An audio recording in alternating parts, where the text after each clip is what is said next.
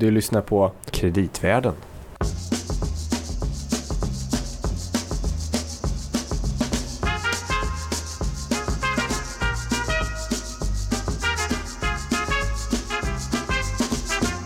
Varmt välkomna alltså till Kreditvärlden och vi tar oss vidare tillsammans med dig som lyssnar på vår resa genom kreditmarknaden. Eh, det här är det fjärde avsnittet. Jag heter Gabriel Bergin och sitter här med Louis Landeman. Vi två eh, har nu i tre avsnitt pratat lite grann om obligationsmarknadens historia. Vi har även tittat lite på hur den ser ut i Sverige idag. Eh, och vi har gått igenom ett fall eh, av vad som kan hända när man går från det högsta kreditbetyget, AAA, ända ner till någon typ av konkurs. En dramatisk resa. Eh, det kan ni lyssna på i förra avsnittet som handlade om General Motors. Och eh, i slutet av det så, så kom vi in på någonting som många nog undrar över när man först kommer i kontakt med den här kreditmarknaden. Alla de här bokstavskombinationerna, de här kreditbetygen som det heter. Bokstavskombinationer och så ADHD. Nej, jag pratar inte om dig nu. Nej, okej, okay, jag förstår. okay, ja. um, och vad de egentligen betyder och hur de fungerar. Så vi tänkte att vi kanske skulle försöka klargöra det lite grann i dagens avsnitt. Mycket bra idé, Gabriel. Men allra först så tror jag faktiskt att vi har fått in en, en lyssnarfråga. Ja, vad roligt. Ja. Och, eh, Då får vi spela vår jingle till frågor. Då gör vi det.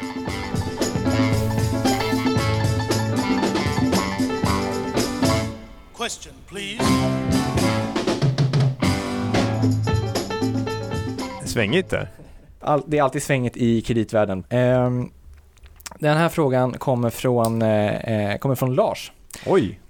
Eh, han vill inte uppge något mer eh, ytterligare namn så. Nej, nej. Lars räcker gott. Och han undrar, för vi pratade ju då om General Motors och ja, eh, hela fallet från toppen. Och ja. framförallt då kanske vad som hände efter att det började falla och, och vad som hände med, med GMs obligationer och aktier bland annat. Men hur gick det för resten av den amerikanska bilmarknaden? Frågar Just Lars. det, mycket bra fråga Lars. Eh, jo, framförallt de här stora tre bolagen, eh, GM, Chrysler och Ford, eh, var ju alla illa ute. Men det var ju faktiskt väldigt intressant för att Ford till att börja med lyckades faktiskt klara sig utan att gå igenom en rekonstruktion och mycket tror jag tack vare att man var mycket bättre både i sin affärsplanering och även finansiella planering än eh, GM till exempel och man hade sålt en del tillgångar tidigare och laddat upp med mycket kassareserver. Eh, och det går väl hyfsat bra för dem nu. Ehm, och sen Chrysler då, lite mindre bolaget, de var ju faktiskt värst ut av alla de här tre och där var det också väldigt intressant för där vet jag att diskussionerna var i den amerikanska administrationen att det var väldigt, väldigt nära att man sa att vi låter eh, Chrysler eh, stänga igen. Det är för litet, det blir för dyrt att rädda dem. Eh, så så det var en, en hårfin Eh, diskussion där kan man säga hur, hur, hur det skulle gå för dem. Men till slut så kom man fram till att ja, men även om de får stänga ner det kommer också kosta pengar och framförallt då när den amerikanska konjunkturen var så svag så tyckte man att det finns en poäng i att försöka rädda en del jobb och sen så fanns då Fiat som en potentiell partner. Eh, så man tillät dem att gå ihop med Fiat och eh, satsa en del pengar på det och det har faktiskt gått eh, ändå ganska bra för dem. All right. Så det var lite kort. Det är spridda skurar helt enkelt. Precis. Mm, det går aldrig sällan lika bra eller dåligt för en, en hel grupp. Alright, men då, eh, ni, får, ni som lyssnar får jättegärna skicka in fler frågor så Absolut. svarar vi på dem. Eh, i, i loppet av eh, poddens levnadsperiod. Eh, men om vi går över till det som vi hade tänkt prata om idag. Ratinginstituten. Exakt. Ska vi, eh, vi har ju för vana att börja från början. Ska vi göra det även här? Ja, och som vanligt Gabriel, var började det här någonstans? Kan det vara så att det började med järnvägarna här Nej, också? det här med? Ja. Otroligt. Men inte i Sverige va? Nej, och inte heller i Europa. Då tänker jag kanske USA. Ja, All right. det stämmer bra. Ja. Eh, vi pratade ju om den stora järnvägsutbyggnaden i USA under 1800-talet och eh, allt eftersom de här eh, allt eftersom investerare till exempel började investera då i de här järnvägsutbyggnaderna så blev man, fick man ett större behov av eh, information om vilken risk det skulle innebära och framförallt vilka järnvägsföretag man borde investera i. Just det. Mm. Och då var det, det finns ju några olika ratinginstitut ja, idag, ska jag säga. Mm. mm. Det finns ju ett som heter Standard Poor's mm. som jag tror är det största av dem. S&P brukar man också säga. Exakt. Och sen finns det Moody's och Fitch. Och alla de tre är ju amerikanska, lustigt nog. De har ju, Eh. vad är det, 96% av ratingmarknaden tillsammans eller något sånt där. Någonting sånt. Rätt mycket. Mm. Eh, det roliga är med Standard Poor's är att de var ju faktiskt bara poor från början. Eh, och de, eh, det började ju precis med de här järnvägarna då att den här som han hette Henry Varnum Poor. Han började med den här, en sån här bok som han började göra om amerikanska järnvägsföretagen och sen som han eh, sedermera skrev tillsammans med sin son Henry William Poor. The American Railroad Journal Just det. Poor and poor kanske då. Men eh, sen, ja, faktiskt inte förrän 1941 eh, så gick man ihop med ett annat företag som hette Standard Statistics Bureau och då blev det Standard Poor's. Mm. Så det var en liten rolig eh, anekdot. Och Moody's eh, växte upp ungefär parallellt och nästan lika gammalt som Standard Poor's. Ja, och i dagens läge så är det så att Moody's är ett börsnoterat företag eh, medan Standard Poor's ingår i den här så kallade McGraw-Hill-koncernen. Mm. Det känner säkert du till, McGraw-Hill. Stort förlag. Exakt. Mm. Eh, men eh, lite, alltså, tanken med de här ratingarna är ju egentligen att när marknaden har utvecklats från att eh, det kanske har varit några få aktörer där man kan lita på varandra och man ger information om bolag.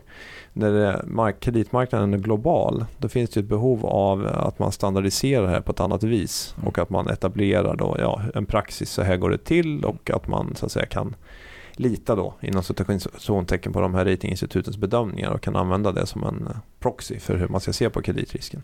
Okej, nu pratar du om praxis och, och sådär, men ska vi inte först, vad är det de gör egentligen? Just det. Mm. Det de ska mäta de här eh, kreditbetygen det är risken för att ett bolag ställer in sina betalningar eller att man missar en betalning på en, om vi tar en obligation, det kan ju vara en kupongränta och då har inte bolaget till exempel pengar eh, och så missar man att göra den betalningen på den räntan eller när obligationen förfaller så har man inte tillräckligt mycket pengar för att betala tillbaka den. Vad som sen händer om det blir en rekonstruktion eller konkurs det tittar man inte så mycket på utan man tittar på den här risken för att man missar en betalning. Mm. Men de är, vi ska inte, kanske inte komma in på det nu, men de, visst är det så att de tittar även på, ibland räknar ut hur mycket får man tillbaka om det är så att eh, bolaget Absolut, det finns sådana analyser också Mm. och till viss del så kan man se det. Men huvudsakligen är det här som, som jag precis sa då. Ja. Och då ska vi liksom kanske förklara skalan, det är massa bokstäver hit och dit och det blir lite svårt om man inte har någon, nästan någon tabell att titta på. Mm. Men som du sa förut så är det högsta betyget Mm. trippel A, tre stora A. Mm. Och det lägsta det är då D, som är alltså default, en Mm. sån här betalningsinställelse. Och sen så finns det en massa, ett stort spann däremellan. Men Ja. man brukar dela upp, ehm, i alla fall marknaden delar upp i två delar. Det ena som kallas för High Yield, som är hög avkastning. Mm. Men där är det egentligen kreditbetyg under det man säger dubbel B plus på den här skalan. Och Dubbel B plus eller under. Exakt. Kan man, kan man, ja, på engelska kallar man det ibland för speculative grade. Skulle man kunna kalla det Ja. för en spekulativ investering kanske? Ja, det kan man väl kanske göra. Det är högre, det är högre risk, Ja. högre kreditrisk. Ja. I det.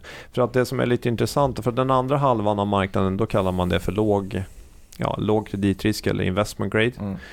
vilket är en jättestor marknad också. Och, eh, Det är, den är väl egentligen betydligt större än high yield-marknaden? ja, i alla fall i Europa traditionellt. Däremot i USA vet jag att liksom vanligaste kreditbetyget nu är nere i alltså B i det här high yield segmentet faktiskt. Mm. Så det, men där, har, där är ju marknaden mycket större och Mm. där man tror väl att i Europa det kan gå åt som det är i, i, i USA, då, att det kan bli så över tiden. Mm. Eh, men det som är intressant är då det här som då, om man tar det här investment grade spektrumet först. AAA är ju jättelåg eh, risk då för att man ska missa en betalning. Det är alltså 0,4 procent på, fem år. Det här är historisk sannolikhet Ja, för att man... precis. Det är en bra poäng. Därför att det är över en längre tidsperiod och det är ett genomsnitt. Mm. Och någon, något år kan det vara mycket mer och andra år kan det vara mycket mindre. Det ska man tänka på hela tiden. Mm. Men hela det här spektrumet investment grade, då går man liksom från 0,4% till högsta är 4%. Mm. Då är man längst ner. Så att det, det är inte så egentligen så stor skillnad i de olika stegen Mm. här. Men när man sen går från high, det här high yield, då börjar den på ungefär 5% och sen går den ner längst ner så är man nere på 50%. Så är man längst ner där, då är alltså 50% risk att det här bolaget missar att betala tillbaka här pengarna Inom en period Inom- på fem år. fem år. Eh, Så där har man ju otroligt stor variation. Och eh, vi kanske, jag tänkte på, det är ju den enkla principen, men vi kanske skulle kolla på några nordiska bolag. Mm. För att ge lite känsla. Mm. Vi, Ja, men det- prat, vi pratade om det förra veckan, eller förra gången. ja, För, förra. för förra gången så pratade vi om vilka räntor som man eh, får om man investerar i några olika typer av, eh, eller några olika bolag, eh, nordiska bolag, svenska bolag faktiskt som du säger. Och eh, eh, om vi tar dem igen då, eh, Mm. Om vi börjar bakifrån, eller eh, motsatt, vi gjorde uppifrån. förra, motsatt förra gången, Jaha, okej. Ja, jag den med högst ränta. Ja, eh, det var ju SAS då. just det.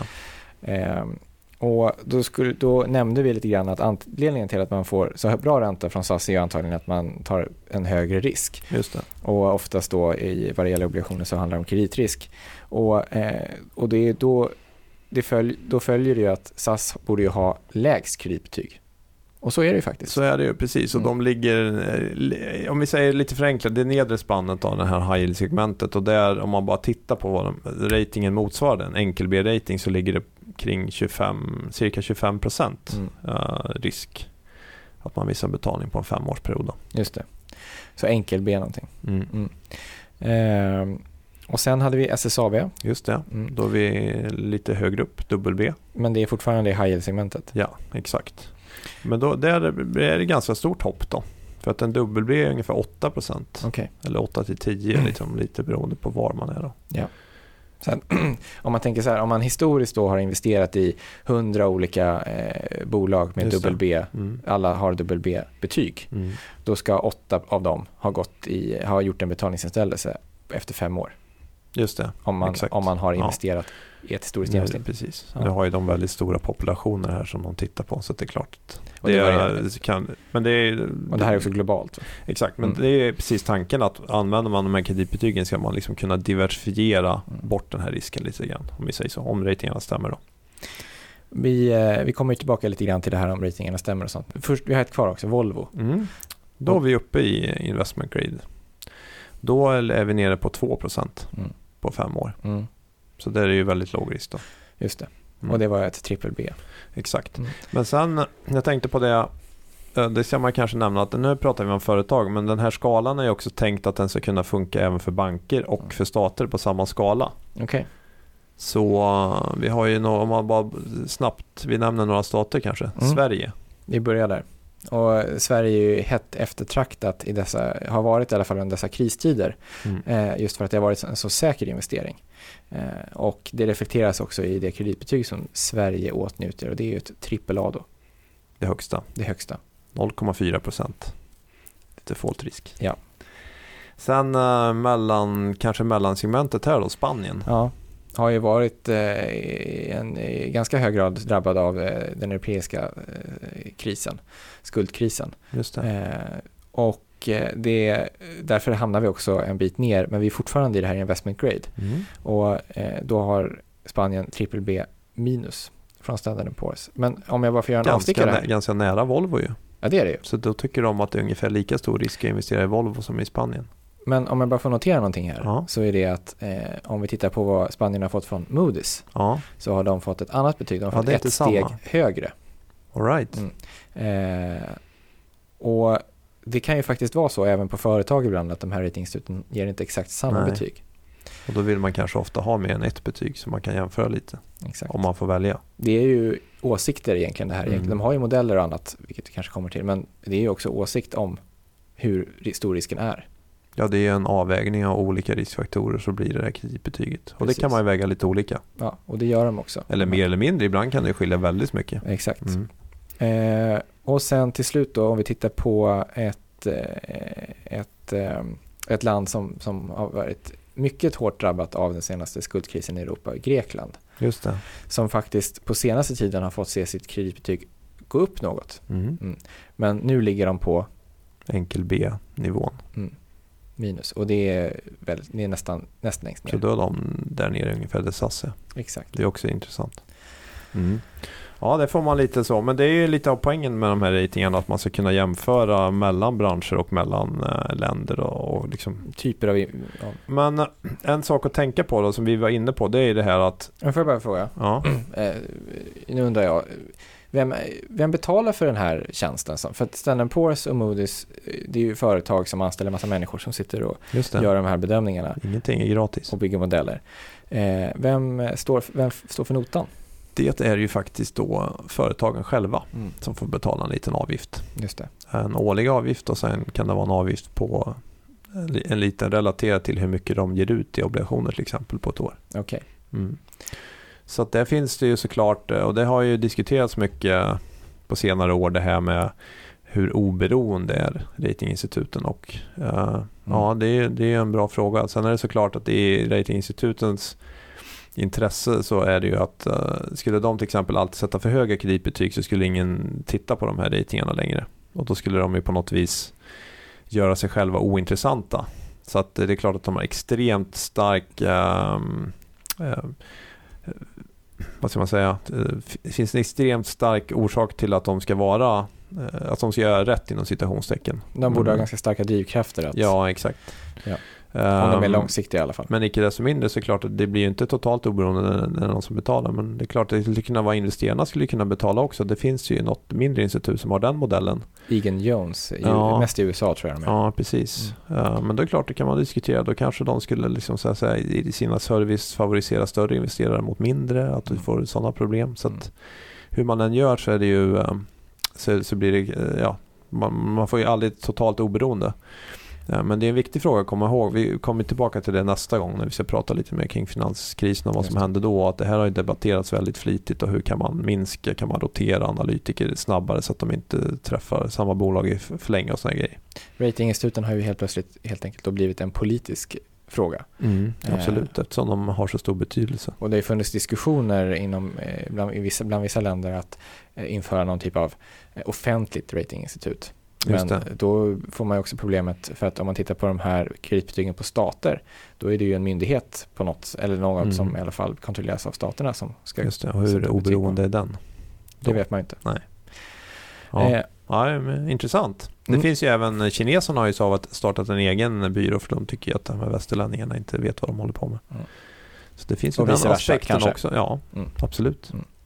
Okej, men om vi ska försöka göra vår bedömning på kreditinstituten, Ja, eller ratinginstituten. Vad, hur bra har de varit på, på sitt, eh, sitt gebit? ja, men Gabriel, nu tror jag att det har blivit dags för en filmfråga. Okej, en filmfråga. Jag tycker faktiskt det. Så då frågar jag dig Gabriel, vad är det här från för film? I was looking for six replicants in a city of 106 million people. You ever see this girl, huh? Never seen a Buzzlove. What I didn't know was they were looking for me. Det där känner du igen? Ja, det, det är ju Blade Runner. Ja, visst. Det Harrison. Fords riktigt, alltså många pratar ju om Star Wars som eh, någon typ av eh, höjdpunkt i hans karriär, men Blade Runner. Jag tänkte slår. säga att det var när han var ung. Ja, okej. Så det är länge sedan. Ja, det är ändå ett tag sedan. Ja. Men... Vi måste höra lite musik också från filmen. Det är klart vi ska göra det. Eh, jag tycker att eftertexterna är ju eh, otroligt.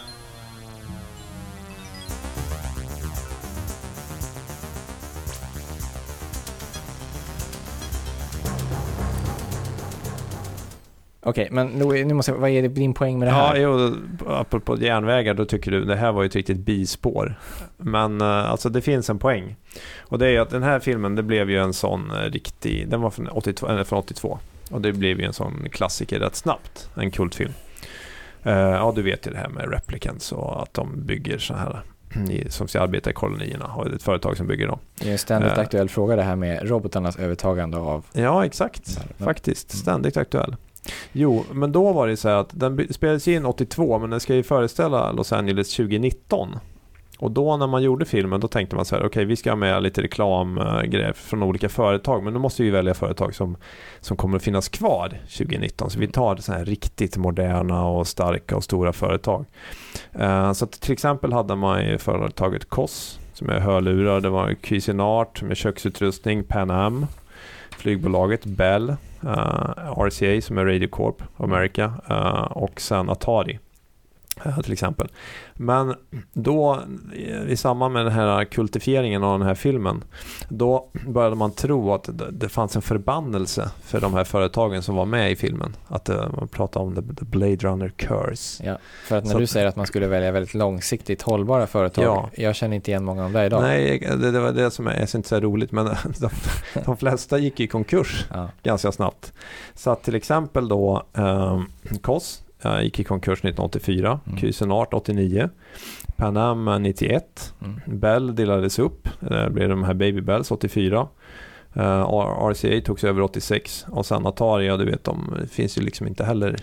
Ja, Nej, Men kvar. de fanns ett tag på 90 i alla fall. Coca-Cola finns kvar. Coca-Cola finns kvar. Mm, Men Atari hann i alla fall, jag hann köpa deras Jaguar-konsol och hade mycket av nöje den ett tag på 90-talet. Men jag, det var tydligen tillräckligt många som jag. Nej, och då, men precis, och det är det här som är det intressanta då att, att då förutsäga vilka företag kommer att få problem eller inte är, det är ju en ganska svår sak att göra faktiskt. Eh, Och i det perspektivet så måste man ju ändå säga att ratinginstituten har klarat väldigt väl. Så titta återigen, ta det här längre tidsperspektivet och ett genomsnitt så, så stämmer ju kreditbetygen väldigt väl på den här skalan och att ju längre ner desto högre risk. Sen, ja visst, enskilda år så kan du ju slå både upp och ner så att säga åt fel håll. Så man måste titta på långa genomsnitt. um, och en investerare i obligationer uh, ska ju också tänka på att um, en viss tidsperiod så kan ju en bransch vara kraftigt överrepresenterad i konkursstatistiken. Så till exempel telekombranschen och början på 2000-talet var det ju jättemycket konkurser.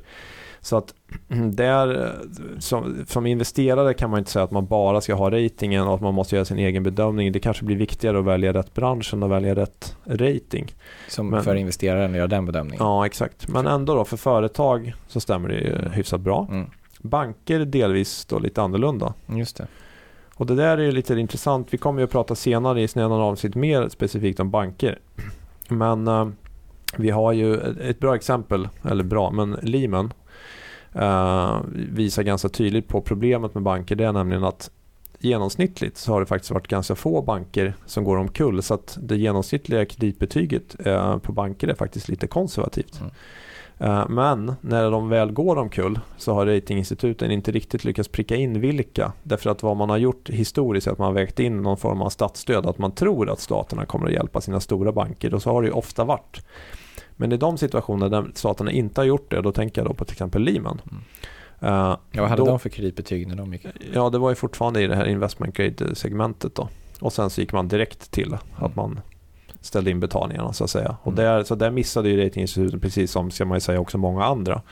Eh, men lite poängen där då, att det, det har varit ganska svårt och vad man försöker göra nu är att man tittar mer på bankerna själva och väger in mindre sådana här statsstöd. Man är lite mindre säker på att staterna kommer att, att ställa upp. Men sen om vi tar det här i Norden så är ett sånt klassiskt exempel när det blev fel. Det var ju när Moody's eh, faktiskt bara något år innan den här eh, finanskrisen och kraschen på Island. Då hade man ju uppgraderat alla isländska bankerna till det högsta kreditbetyget AAA. Och det, var, och det var för att man trodde att den isländska staten skulle ta en Exakt, stor man, roll. änd- man ändrade kriterier så sa man nu ska vi väga in mer det här med statsstöd och så tyckte man att stat, staten Island kommer ju att hjälpa de här bankerna. Men det man missade lite grann där det var ju att Island själv var ju alldeles för litet i förhållande till staterna. Och det är också en intressant eh, lärdom. Mm. Och detsamma har det ju varit på Irland. Ja, vi, vi kommer in mer på bankerna senare. Men så där har vi ju sett att det ibland har gått lite fel. Men det är väl inte bara där riktigt för att det var ju eh, när man pratar om den senaste finans, eller finanskrisen då så pratar man också om det här med subprime-krisen. Mm. Och kanske egentligen framförallt de många, de många, finansiella produkter som fanns kopplat till den här subprime som också hade kreditbetyg. Just det. Precis. Och det där, men det ska vi ta det nästa avsnitt nästan. För det är ju en, en jätteintressant sak och har varit mycket diskussioner. Så att vi kanske ska ta lite tid. Ja, då tar vi det i nästa avsnitt kanske. Det tycker jag låter eh, väldigt bra. Men eh, så att det är ju lite kort. Men sen så kan man ju säga en annan sak. Det är ju det här med förutom om gör man rätt eller fel. Är man snabb eller långsam? Mm. Uh, för då kan man säga är en rating är liksom en ledande indikator på att alltså, den är tidig Mm. om man ser en förändring i ett bolags risk. Uh, och där kan man väl säga att det är den ju egentligen inte.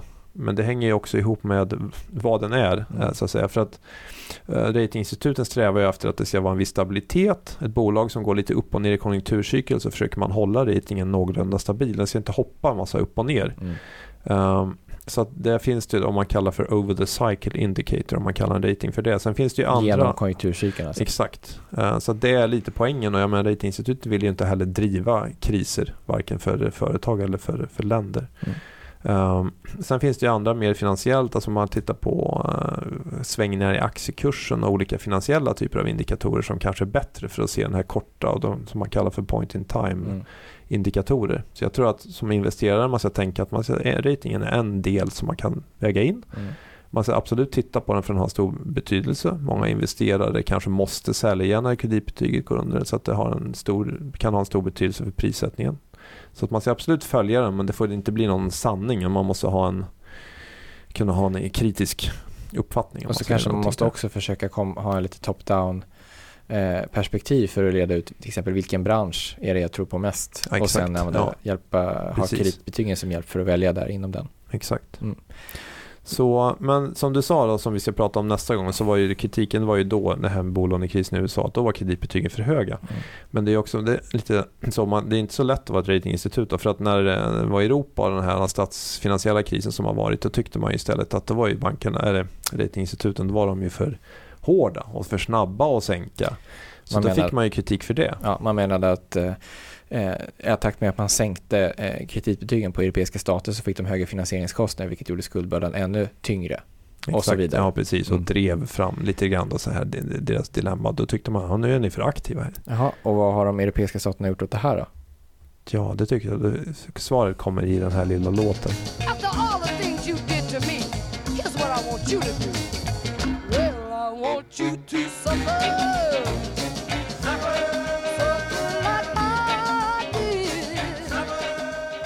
Oj, det låter tufft. Ja, det var ju lite tufft, lite skämtsamt kanske. Men eh, poängen var väl lite grann att om, eh, ja, nu har eh, vi tycker att ni har gjort lite fel här i krisen och nu ska vi bli mycket hårdare. Vi ska reglera er mycket mer och eh, till exempel i europeiska stater då, som, där det har varit så mycket bråk så har man ju bestämt vissa datum som ratinginstituten måste publicera några förändringar innan och de måste tala om vilka datum det, det är och så Så det där. ska Så vara att x antal datum per år liksom. Ja, exakt.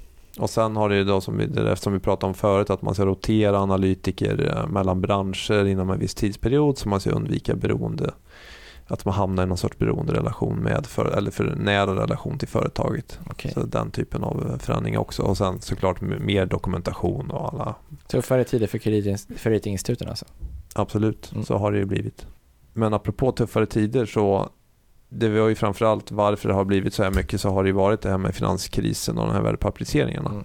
Och som vi sagt, vi ska ju ta tag i det lite grann nästa avsnitt. Just det. Så vi hoppas att ni vill lyssna då. Då blir det väldigt spännande. Eh, vi kommer prata om CDOer, CLOer, eh, ABSer och eh, CDSer. Äntligen ska jag få veta vad det är för någonting. Jag har hört de här termerna så många gånger.